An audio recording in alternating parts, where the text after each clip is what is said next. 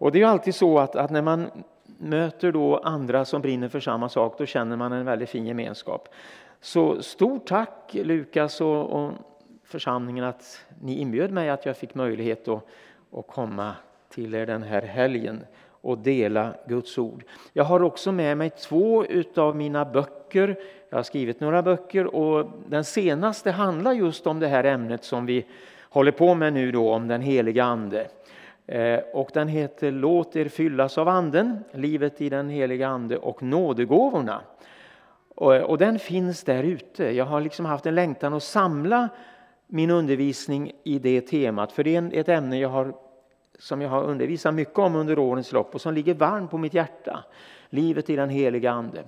Och jag har haft en längtan efter att samla den undervisningen i bokform och så blev det så. Så kom den ut i höstas och den finns där nere på bokbordet. Men så har jag också med en annan av mina böcker som heter Du är Petrus som är helt enkelt en personstudie i Simon Petrus liv i 52 kapitel. Så jag brukar säga den kan man hålla på med en helt år om man så vill.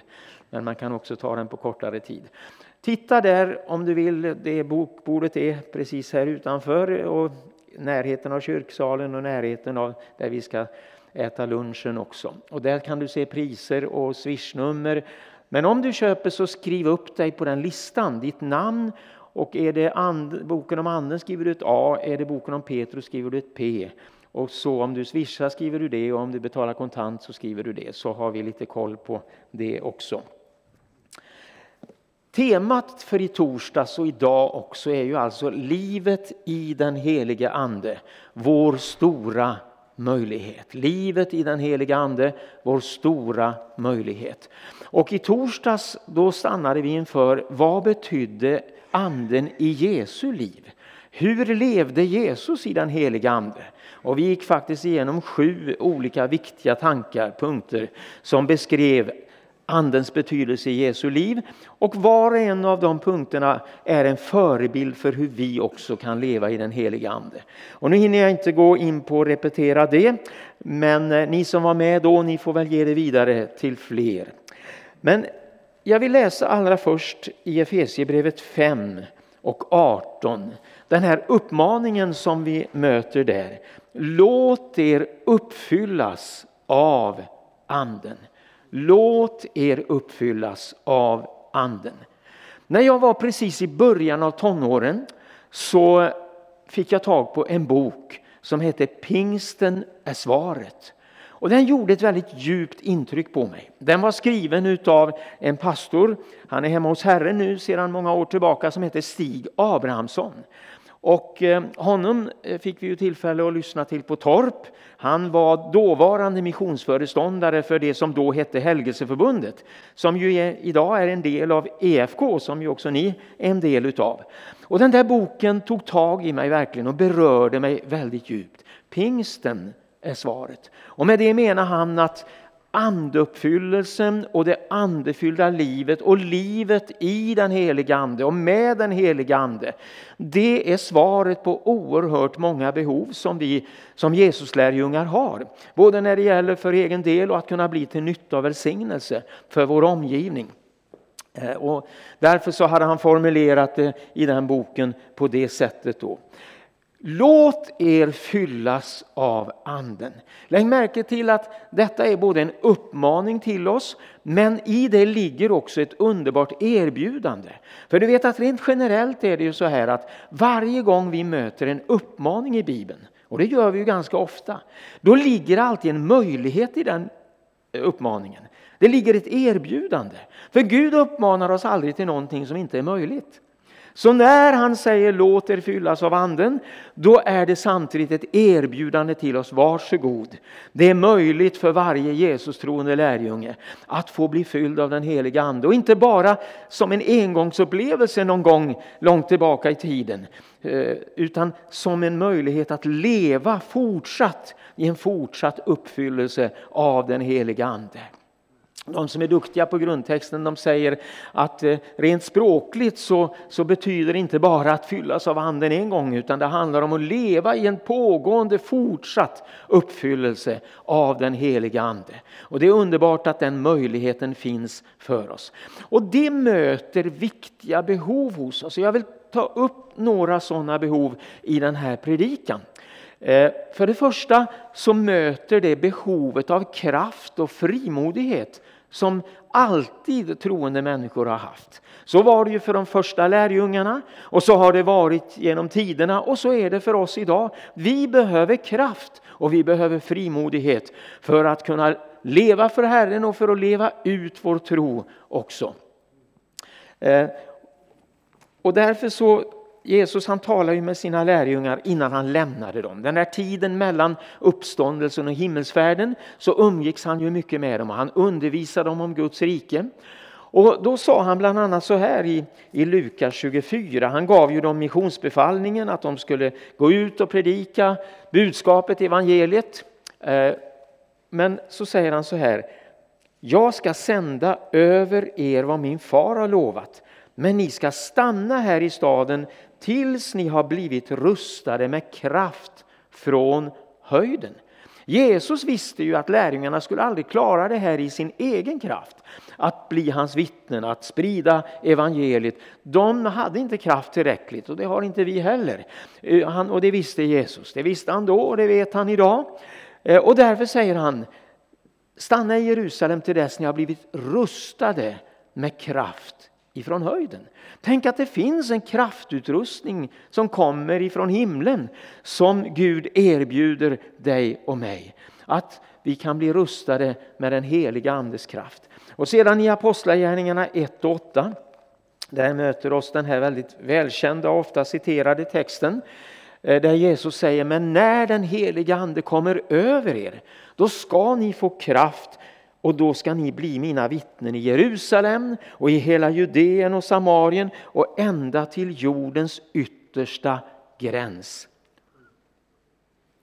De skulle börja i Jerusalem. Det är alltid svårast där.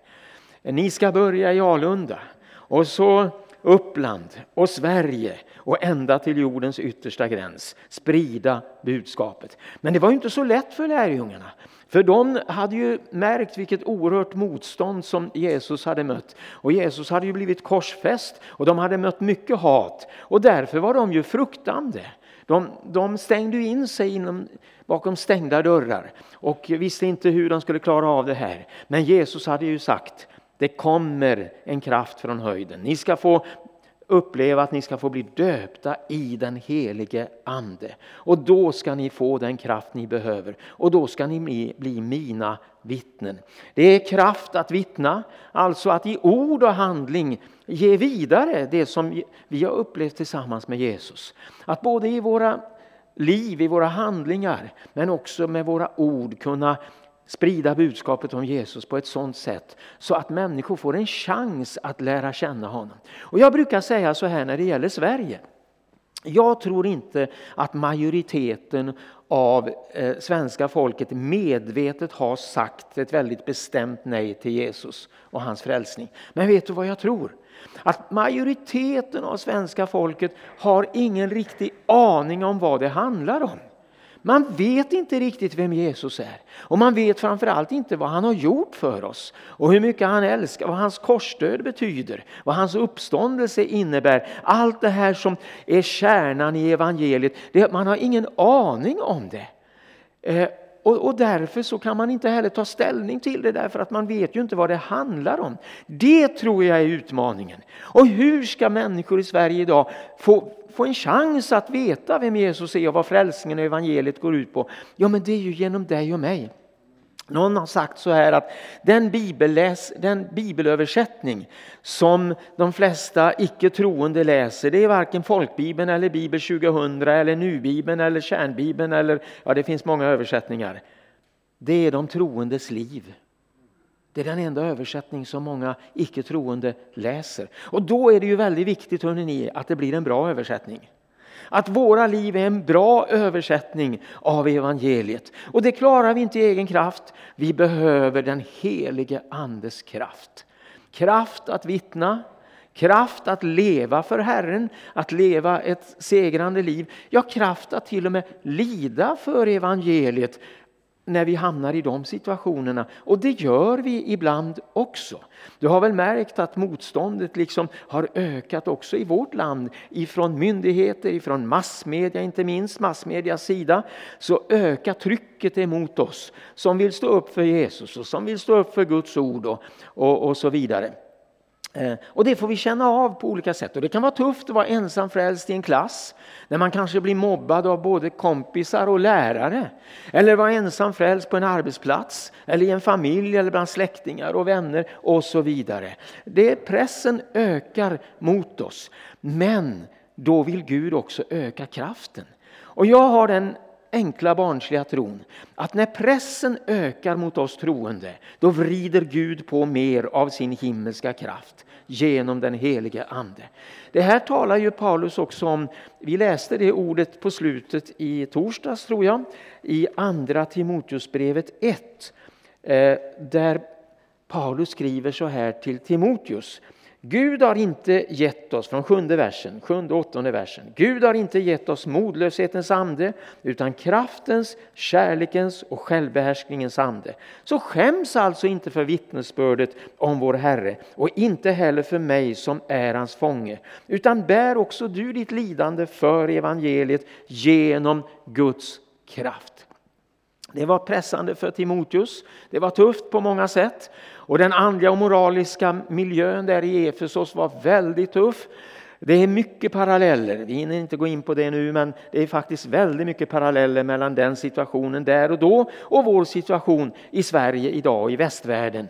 Men eh, Paulus han skriver, den heliga ande gör oss inte modlösa. Gud har inte gett oss modlöshetens ande utan han har gett oss kraftens och kärlekens och självbehärskningens ande. Och därför ska vi inte blygas för vittnesbördet om Jesus. Eh, och vi, vi ska även lida för evangeliet genom den kraft som Gud ger. Och det var ju så för lärjungarna när de upplevde pingstdagens andeuppfyllelse. Att de blev så frimodiga. Petrus som hade förnekat Jesus ett antal veckor innan. Han kliver fram i spetsen för dem allihop. Men de andra de är också med där och kliver fram. Och ger en frimodig bekännelse och ett frimodigt tydligt budskap om frälsningen i Jesus Kristus. Hur kunde de det? Ja men de fick en ny kraft som de inte hade haft tidigare. Det är fantastiskt. Och här vill jag, jag bara antydde det lite i torsdags, men jag vill ge mitt personliga vittnesbörd. Du eh, anknöt ju till det som jag nämnde helt kort i torsdags här, att när jag var 11 år så var jag på ett ungdomsläger. Och det var ganska många eh, ungdomar på det där lägret, barn och ungdomar. Och där fick jag uppleva mitt andedop. Det gick till så här att i slutet på det där lägret, det är ju bra med läger vet ni, och jag vet att ni satsar mycket på läger i Förhöjkyrkan och ni har fått se mycket resultat, det vet jag också. Jag har ju följt er församling under ett antal år och läst och snappat upp på olika sätt så här. Och eh, det är välsignat med läger och det var det då också. I slutet på den här lägerveckan så hade vi besök av en ung pastor. Han var dubbelt så gammal som mig och jag var 11 så han var 22 alltså. Så han var inte gammal. Eh, och han predikade och var väldigt inspirerad och tänd för Herren verkligen. Och i sista mötet som han talade så talade han vet du, om Elia och Elisa. Och när Gud skulle ta hem Elia till himlen så var ju Elisa med där. Och då så säger han ju till, eh, Elia säger till Elisa att be mig om vad du vill innan jag blir tagen hem till himlen från dig. Och eh, om du ser mig eh, när, när det sker så kommer du att få det. Och vad bad Elison? Jo, han bad om en dubbel arvslott av Guds ande, av den ande som har vilat över dig Elia. Jag ber om att få en dubbel arvslott av den anden. Och det fick han också, för han, han var ju med och såg där när Gud tog hem Elia till himlen. Och så kom Guds ande över honom med en dubbel utrustning. Och det är intressant att läsa om hans liv och gärning sedan. Och så säger den här unge pastorn eh, ungefär så här när han är färdig med sin predikan. Att alla ni som vill uppleva det som jag har predikat om, som vill bli fyllda med Guds ande precis som Elisa blev, ni kan stå upp. Och min minnesbild är ju att vi stod upp allihop. Och jag vet inte riktigt. Och sen bad han en bön över oss allesammans. Han, han bad en trosviss bön om att den heliga ande skulle komma över oss och fylla oss. Och jag vet ju inte riktigt vad som hände med de andra. Men jag vet vad som hände med mig. För där fick jag uppleva en sån grundläggande stark andeuppfyllelse. Och jag märkte det när jag kom hem efter det där lägret. Ja, det första jag gjorde det var när jag träffade min kompis Thomas som var ett år äldre än mig. Jag började vittna direkt för honom. Jag försökte övertyga honom, nu lyckas jag ju inte tyvärr, men jag försökte i alla fall. Och det bara brann i mitt hjärta. Och jag märkte när jag kom till skolan sen och det började ett nytt läsår. Jag fick en, hade fått en frimodighet som jag inte hade haft tidigare. Att stå upp för min tro, eh, både bland kompisarna och när lärare sa att Bibeln är sagor så räckte jag upp hand och protesterade. Att så är det inte. Bibeln är Guds ord. Och sedan när det hade gått några år och jag kom in i högstadiet och då var det, det var ju morgonsamling, kristen morgonsamling varje morgon. Ni hör, ni hör att tiderna har förändrats. Men det är ju länge sedan det här som ni förstår. Eh, men det var det. Och det kom dit präster och pastorer och turades om. Och ibland var det någon lärare som hade det. Jag gick till rektorn och samlade ihop några av mina, vi var ju några ändå kristna kompisar där på högstadiet och sa kan inte vi få ha och hålla en sån här morgonsamling? Jo då, det var inga problem, det gick bra. Och det gjorde vi. Vi sjöng några enkla sånger, vi, vi gav vittnesbörd, jag höll väl någon slags liten minipredikan där för dem om Jesus och frälsning och, och synd och nåd. Och det. Alltså jag var nog mer frimodig då än vad jag är idag nästan. Men vad var skillnaden? Den heliga Ande. Jag hade blivit fylld med den heliga Ande. Jag hade fått det där andedopet som jag hade längtat efter. Till och med läxorna, skolarbetet gick lättare. Det blev liksom ett annat flow i det också. Jag blev en mer harmonisk personlighet. Det hade ju varit tufft för att jag miste ju min pappa när jag var sju år. Han dog ju hastigt, liksom, stora kroppspulsådern bara brast så här. Eh, och så var hans liv slut och han fick flytta hem till Gud. Och kvar var mamma och jag och jag var bara sju år gammal. Så det hade ju varit tufft på många sätt. Men jag fick en ny trygghet, jag fick liksom en ny, eh, ett nytt lugn, en, en balans i mitt liv som jag inte hade haft tidigare. Skillnaden var den heliga Ande. Pingsten är svaret, anden är svaret på väldigt många utav våra behov.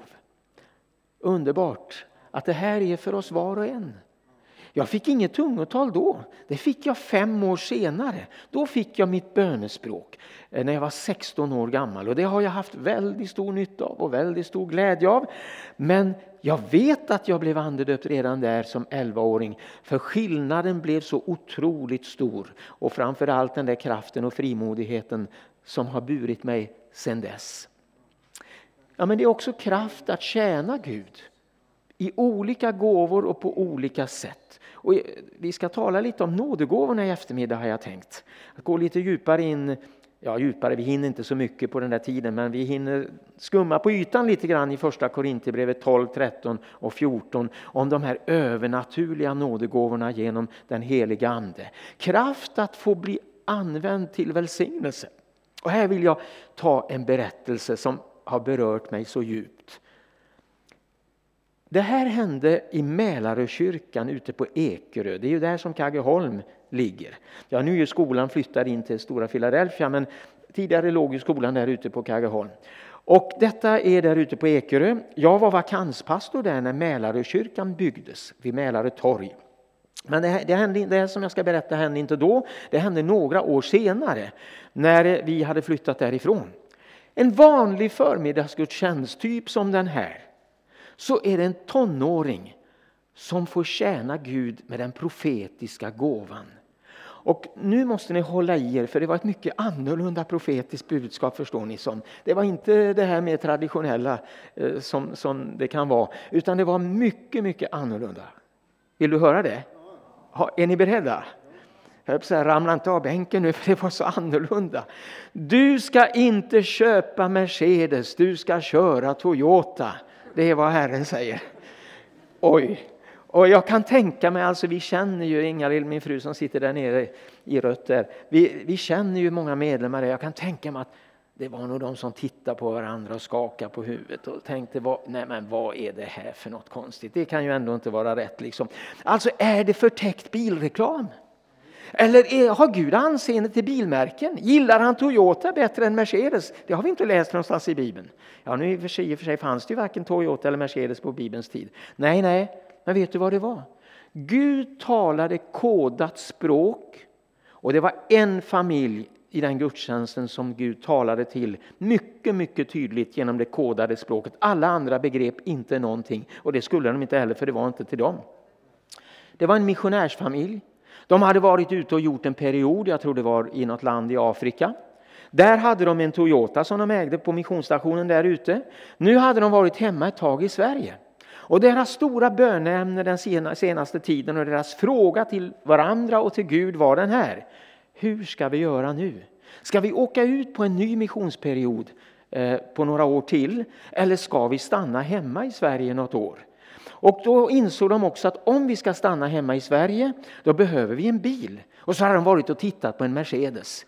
Eh, och som dessutom hade ett bra pris och, och verkar bra alltså. Och de tänkte, ja ska vi stanna hemma så är det den Mercedesen vi ska köpa. Men hur ska vi göra? Och så talar alltså Gud genom denne tonåring. Du ska inte köpa Mercedes, du ska köra Toyota, säger Herren. Och de fick ju alltså svar. Det, det, kunde inte bli tydligare. Deras fråga, deras bönämne fick sitt svar. Och de eh, åkte ut och körde sin Toyota. De åkte ut på en ny missionsperiod. Visst är det fantastiskt? Det, alltså jag, varje gång jag återberättar det här, och jag älskar att göra det, för jag, jag, tycker inte bara att det här är dramatiskt och annorlunda, utan det är ju så gripande. Hur Gud kan tala och hur han kan tala så konkret, men på ett sätt som ingen annan förstår, för de andra hade ju inte med det att göra, utan det var ju den här familjen som skulle få det. Och så fick Gud använda den här tonåringen.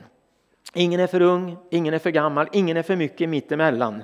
Men man kanske behöver vara en tonåring för att våga förmedla en sån annorlunda hälsning, eller vad tror du? Eh, det, det, krävs ju ett visst mod kanske. Och det hade tydligen den här killen. Ja, men det är ju underbart vad Gud kan göra.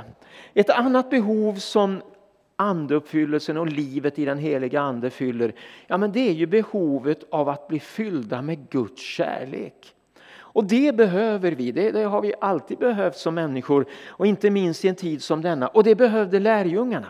Det var ju kanske inte så lätt för lärjungarna att kunna känna någon Guds kärlek till fariseerna och de skriftlärde och översteprästerna och de som hade ropat, hela folket, eller många av folket som hade ropat korsfäst, korsfäst där på långfredagens morgon. Det var ju kanske inte så lätt att känna någon kärlek till de människorna. Va? Och du vet att det är ju lätt att känna kärlek till de som är hur vänliga och trevliga som helst. Det är ju inte så svårt. va.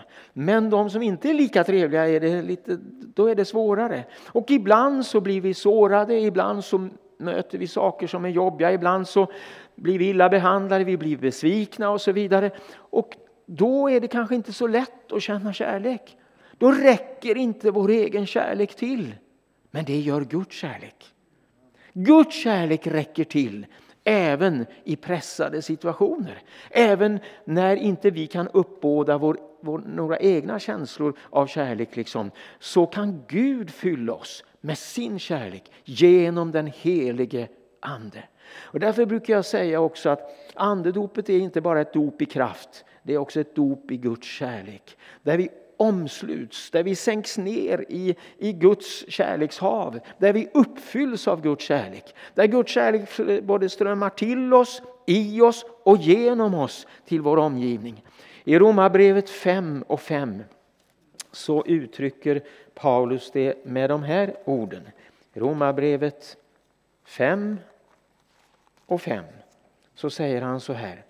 Och hoppet sviker oss inte, för Guds kärlek är utgjuten i våra hjärtan genom den heliga Ande som han har gett oss. Guds kärlek är utgjuten i våra hjärtan genom den heliga Ande. Alltså för det första så visar Anden oss på Guds kärlek. Anden visar hur mycket Gud har älskat oss och fortsätter att älska oss. Hur mycket Jesus har älskat oss genom att ge sitt liv och fortsätter att älska oss. Detta visar den heliga Ande för oss. Och så fyller han oss med samma kärlek så att den kan flöda utifrån oss också. Och därför så säger också Paulus vet du, i Galaterbrevet 5 att Andens frukt är kärlek. Och så räknar han upp fortsättningen där. Andens frukt är kärlek, glädje, fri, tålamod, vänlighet, godhet, trohet, mildhet och självbehärskning. Och egentligen i grundtexten så står det ju inte andens frukter utan det står frukt i ental. Andens frukt är i ental. Andens frukt är Guds kärlek. Men den kärleken tar sig uttryck i form av glädje, frid eh, och, och tålamod och vänlighet och trofasthet och ödmjukhet och, och självbehärskning. Det är de olika uttryckssätten för Guds kärlek. Också vet du när Paulus undervisar om nådegåvorna i, som vi ska komma in på i eftermiddag då, i första Korinthierbrevet 12, 13, 14 så använder han ju ett helt kapitel, det trettonde kapitlet med att beskriva den atmosfär i vilken gåvorna ska fungera. Det är Guds kärlek. Att vara fylld med Guds kärlek på det sättet.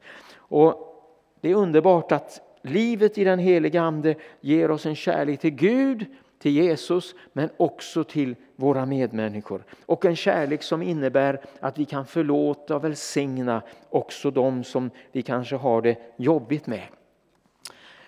Jag tänker på två klassiska berättelser om andeuppfyllelse från långt, långt tillbaka. Ja, faktiskt 1700-tal och 1800-tal. Det fanns ju två mycket kända förkunnare. Den ena heter Charles Finney och den andra heter D.L. Moddy. Och i deras berättelser om den här grundläggande anduppfyllelsen så kommer det fram just det här om Guds kärlek. För Finny han säger så här, den helige ande kom över mig på ett sådant sätt att det gick rakt igenom mig, igenom både kropp och själ. Jag kände dess verkan likt en elektrisk ström som gick igenom mig gång på gång. Ja, det var som våg på våg av flytande kärlek. Och vi som har läst lite väckelsehistoria, vi vet att bägge de här, både Finny och Moddi, fick ju vara till en oerhörd välsignelse. Fick vara redskap i stora väckelser. Men de blev fyllda med Guds kärlek genom Guds ande. Och Moddi han beskriver det så här. Jag kan blott säga att Gud uppenbarade sig för mig och jag hade en så närgången erfarenhet av hans kärlek att jag måste be honom återhålla sin hand. Alltså det var så starkt, det var så mäktigt den här anduppfyllelsen förmådde och det, han blev så fylld av Guds kärlek så han sa Gud du får hålla igen liksom för jag klarar inte mer. Så mäktigt var det. Nu vet vi att Andeuppfyllelse kan ta sig olika uttryck. Det är inte alltid det är så dramatiskt. Det kan vara väldigt odramatiskt. Det kan vara väldigt enkelt. Men det är en uppfyllelse av Guds kärlek genom den helige ande.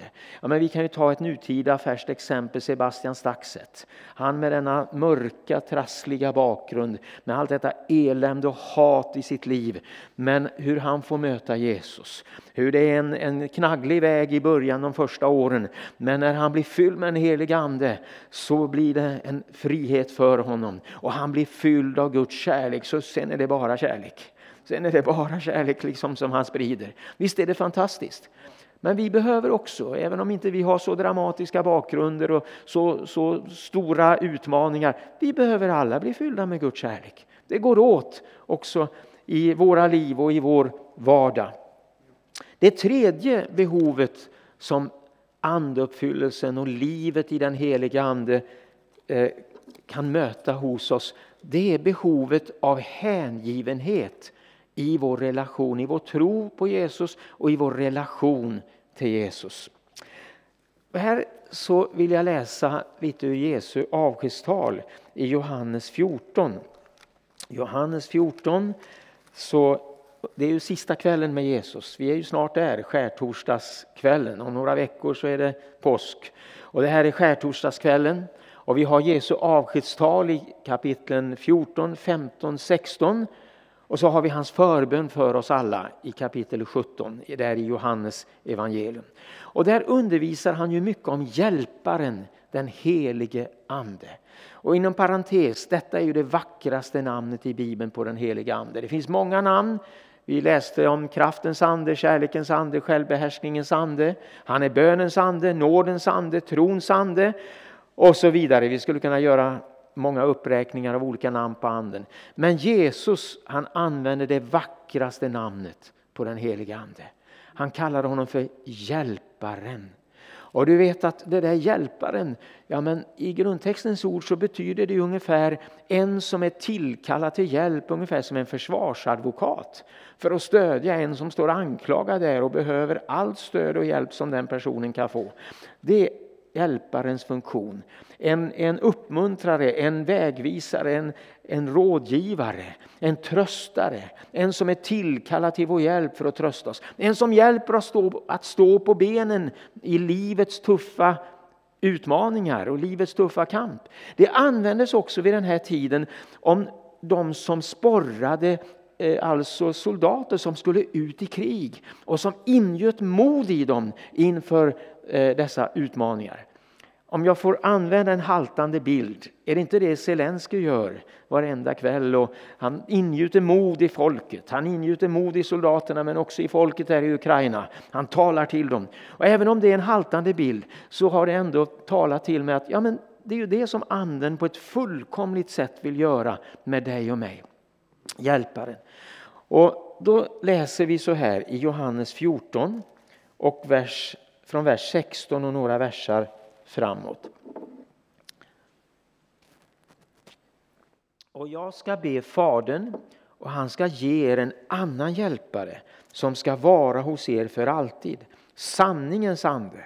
Världen kan inte ta emot honom för världen ser honom inte eh, och, och känner honom inte. Ni känner honom för han förblir hos er och ska vara i er.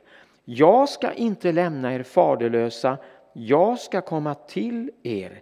Ännu en kort tid och världen ser mig inte längre, men ni ska se mig, för jag lever och ni ska leva. Lägg märke till att det som Jesus speciellt trycker på här, det är att han säger å ena sidan, jag ska hem till Fadern nu och ni ska bli kvar. Men ni ska inte bli lämnade ensamma, faderlösa, utan ni ska få en annan hjälpare som ska vara hos er för alltid. Och genom denne hjälpare ska jag komma till er och bli ännu mer levande för er. Och han Lägg märke till några uttryck här. Han säger ju så här att jag ska komma till er. Och han säger också ni ska se mig, säger han. Eh, och han säger också längre fram här i vers 21 att jag ska uppenbara mig för honom. Ja, men hur ska detta ske nu? Jesus skulle ju hem till himlen och sätta sig på Gud Faderns högra sida. Ändå säger han att jag ska komma till er, ni ska se mig och jag ska uppenbara mig för er. Jo, genom den helige Ande. Anden gör Jesus levande och verklig för dig och mig. Så att vi får en levande tro på honom. Så att vi blir hängivna i vår kärlek till Jesus. Så att han får betyda allt för oss. Och hörni, ni, om vi skulle liksom analysera vad är de största behoven för oss som troende? Ja, vi skulle säkert kunna göra en lång lista på olika saker som alla vore viktiga. Va? Men jag tvekar inte att säga att jag tror att vårt absolut största behov det är att ha en levande tro och levande relation till Jesus, vår Herre och Frälsare. Att han får vara levande, verklig, dyrbar, att vi ser hans härlighet. Och därför så fortsätter Jesus också i Johannes 16 och så säger han så här i vers 14. Han ska förhärliga mig, för han ska ta av det som är mitt och förkunna för er. Anden talar inte om sig själv. Anden lyser inte på sig själv, anden lyser på Jesus. Anden gör Jesus härlig för oss, förhärliga, göra honom stor och härlig för oss. Jag brukar ta en enkel bild. Jag har haft dålig syn sedan eh, jag var barn. Det märktes när jag började skolan, så då fick jag glasögon. Och jag har haft, hunnit ha många under årens lopp. Och jag är väldigt tacksam för dem, för när jag tar av mig de här så blir ni ju väldigt suddiga figurer allihop. Ja, ni som sitter längst ner ni är ju väldigt suddiga, men till och med Lukas på första bänken är suddig alltså. Och, och jag kan inte se hur vackra ni är när jag tar av mig de här, för det, min syn räcker inte till för det. Men tack gode Gud för optiker och ögonläkare och att det finns något som heter glasögon. För när jag tar på de här, då ser jag er allesammans. Jag ser till och med dig där uppe på läktaren. Jag ser, jag ser hur vackra ni är allesammans. Från Lukas längst fram till alla som sitter i kyrkan längst bak. Jag ser er klart och tydligt. Varför? Därför att jag fick hjälp av de här glasögonen. Så är det med den heliga Ande. Den heliga Ande blir liksom de där glasögonen för oss. Den heliga Ande ger oss andlig klarsyn så att vi kan se med trons ögon det som vi inte skulle kunna se annars. Eller det som vi bara skulle kunna se suddigt och otydligt annars. Det blir tydligt och levande och framförallt Jesus. Och det behöver vi. Vi behöver ha en levande tro på Jesus. Vi behöver ha en hängivenhet för Jesus och en djup Jesusrelation. Det är exakt det som anden ger oss. Ja, men tänk på lärjungarna här. Här hade han, de vandrat med honom i tre och ett halvt år och det hade ju naturligtvis varit fantastiskt. Och nu skulle han lämna dem. Och jag menar, det är klart de hade ju mycket frågor och mycket undran. Ja men hur ska det bli nu då? Ska, ska du inte vara med oss längre? Ska vi inte kunna höra dig tala? Ska vi inte se dig? Ska vi inte kunna ta på dig? Nej, jag ska hem till Fadern och ändå så ska jag bli mer levande och verklig för er än till och med när jag har vandrat med er här. Hur då? Jo, genom hjälparen, den helige Ande. Underbart. Så vill jag bara ge någon bild på själva andeuppfyllelsen. En, en bild som har talat till mig som jag fick för en del år sedan. Och då undrar du, vad är det för en bild då? Jo, det är den här bilden av två bilbatterier. Har du varit med om det på vintern? Det har du säkert någon gång. Att när du kommer ut på morgonen och du ska starta bilen så eh, sätter du i nyckeln. Eh, ja, nu är mera så, så kan man ju, ja det är många finesser idag, men du använder nyckeln liksom, men det, är liksom, det tänder inte utan det säger brrr, men den startar inte. Och så försöker du igen och det säger brrr, och sen försöker du igen och, säger, och sen säger det ingenting. Eh, men det är ingen katastrof. Om du har startkablar eller känner en granne eller god vän eller församlingsmedlem eller någon annan eh, närstående som du lätt snabbt kan få tag på som har en bil och som, som är laddad. Och så kommer den och så kopplar ni startkablarna mellan din väns fulladdade bilbatteri och ditt urladdade tomma. Det har tydligen varit för kallt den här natten och det batteriet kanske inte var i så god form innan heller och därför blev det urladdat så det startade inte. Men ni kopplar startkablarna och så startar han eller hon sin bil och så går kraften över i ditt bilbatteri och så brr, nu går det igång. Och sen när du kör, ju mer du kör desto mer laddad blir det här batteriet. Den här bilden kom till mig förstår ni, för några år sedan. Eh, och det blev så levande för mig att du och jag som tror på Jesus, vi har billigt talat två bilbatterier på insidan här. I vår ande och i vår själ. Och det ena det är vår egen ande och vår själ. Och där kan dagsformen vara lite varierande. Ibland är vi väldigt fulladdade. Ibland är vi så laddade med glädje och med frid och med kraft och, och vi tycker det är underbart att vara frälst och underbart att leva med Herren. Ibland så är vi inte lika laddade. Ibland så kanske vi är halvtomma eller riktigt urladdade. Och vad beror det på? Ja, det är inte så konstigt. Precis som bilbatteriet liksom inte klarar en alltför kall vinternatt så möter vi olika prövningar. Vi möter bekymmer, vi möter problem, vi har mycket arbete, vi är stressade, vi kanske har sovit för lite, vi har haft för lite fritid. Alltså det kan vara hur, många, hur mycket olika saker som helst som tär på krafterna och som liksom dränerar oss på energi och även på andlig kraft. Och vi kan känna att vår egen ande är som det där urladdade batteriet. Det tänder inte liksom. Men det finns ett batteri till i dig och mig och det är den helige ande. Och den helige ande är aldrig urladdad, aldrig tom, aldrig halvladdad. Den helige ande i dig och mig är alltid fulladdad. Det enda som behövs är att koppla startkablarna.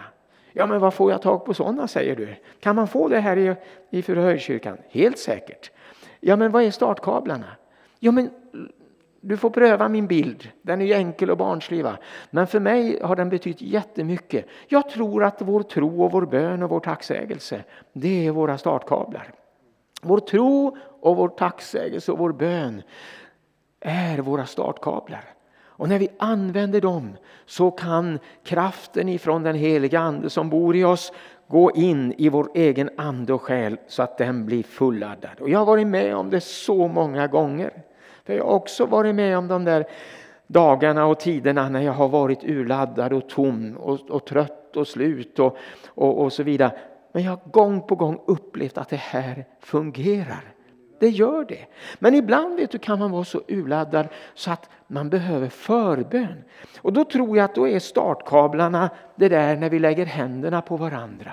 Och vi ber i Jesu namn. Jesus, kom och möt Lukas. Nu tror inte jag att du är urladdad nu, men lite mer kraft kan vi alla behöva. Och så ber vi för varandra. Va?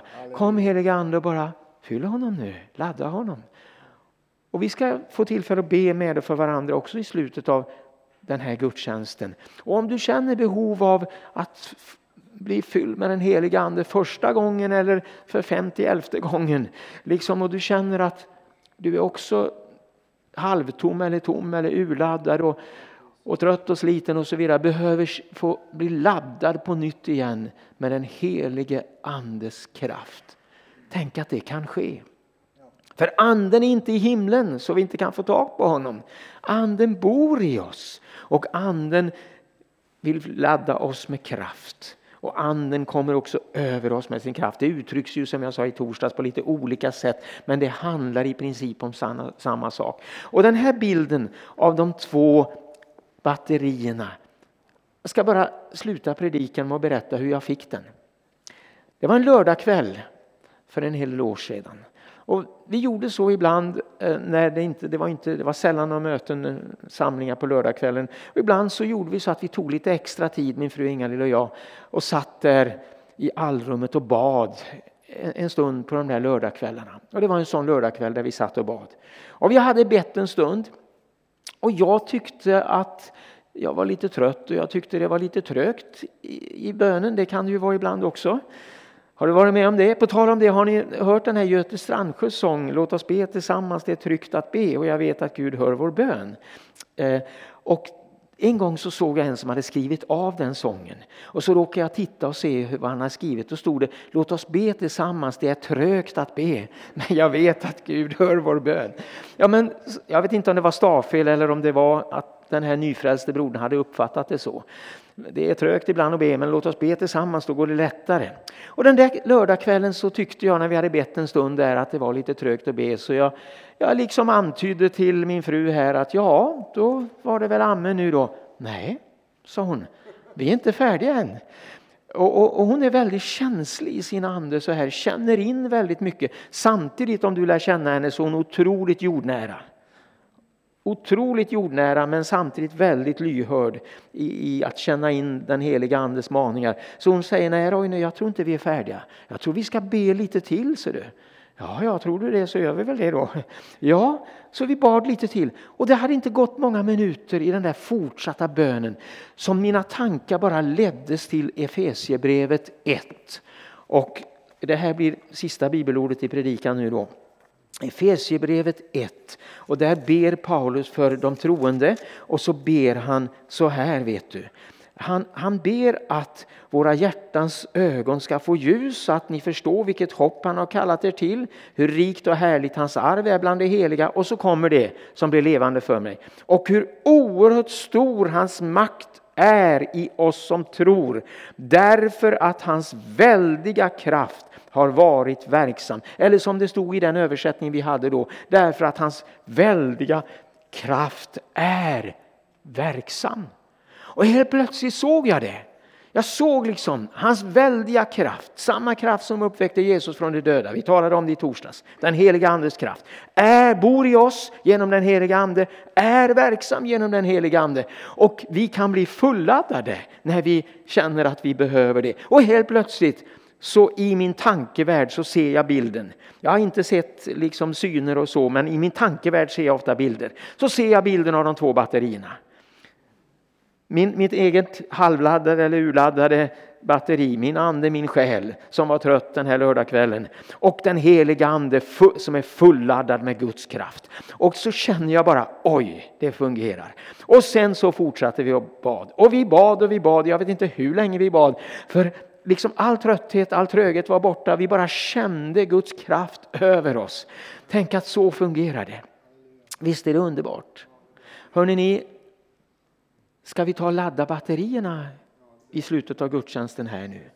Och jag skulle vilja föreslå att vi bara enkelt gör det så här.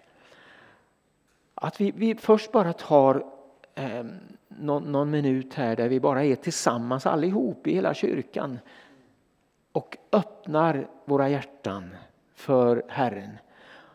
Och eh, liksom ber tillsammans på det sättet och använder startkablarna. Och bara inbjuder Guds ande att komma över oss och röra vid oss och fylla oss och ladda oss.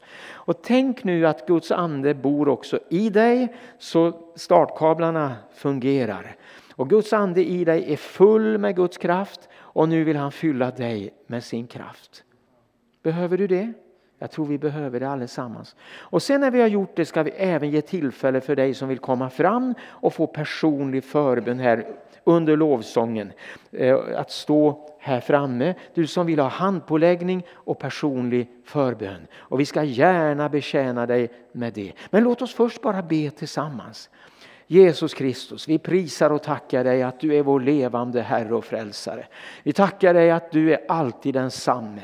Vi tackar dig att du är alltid underbar och vi prisar dig för att du älskar oss var och en och du vill eh, bli så där levande för oss så att vi förnyas i vår tro och förnyas i vår kärlek till dig.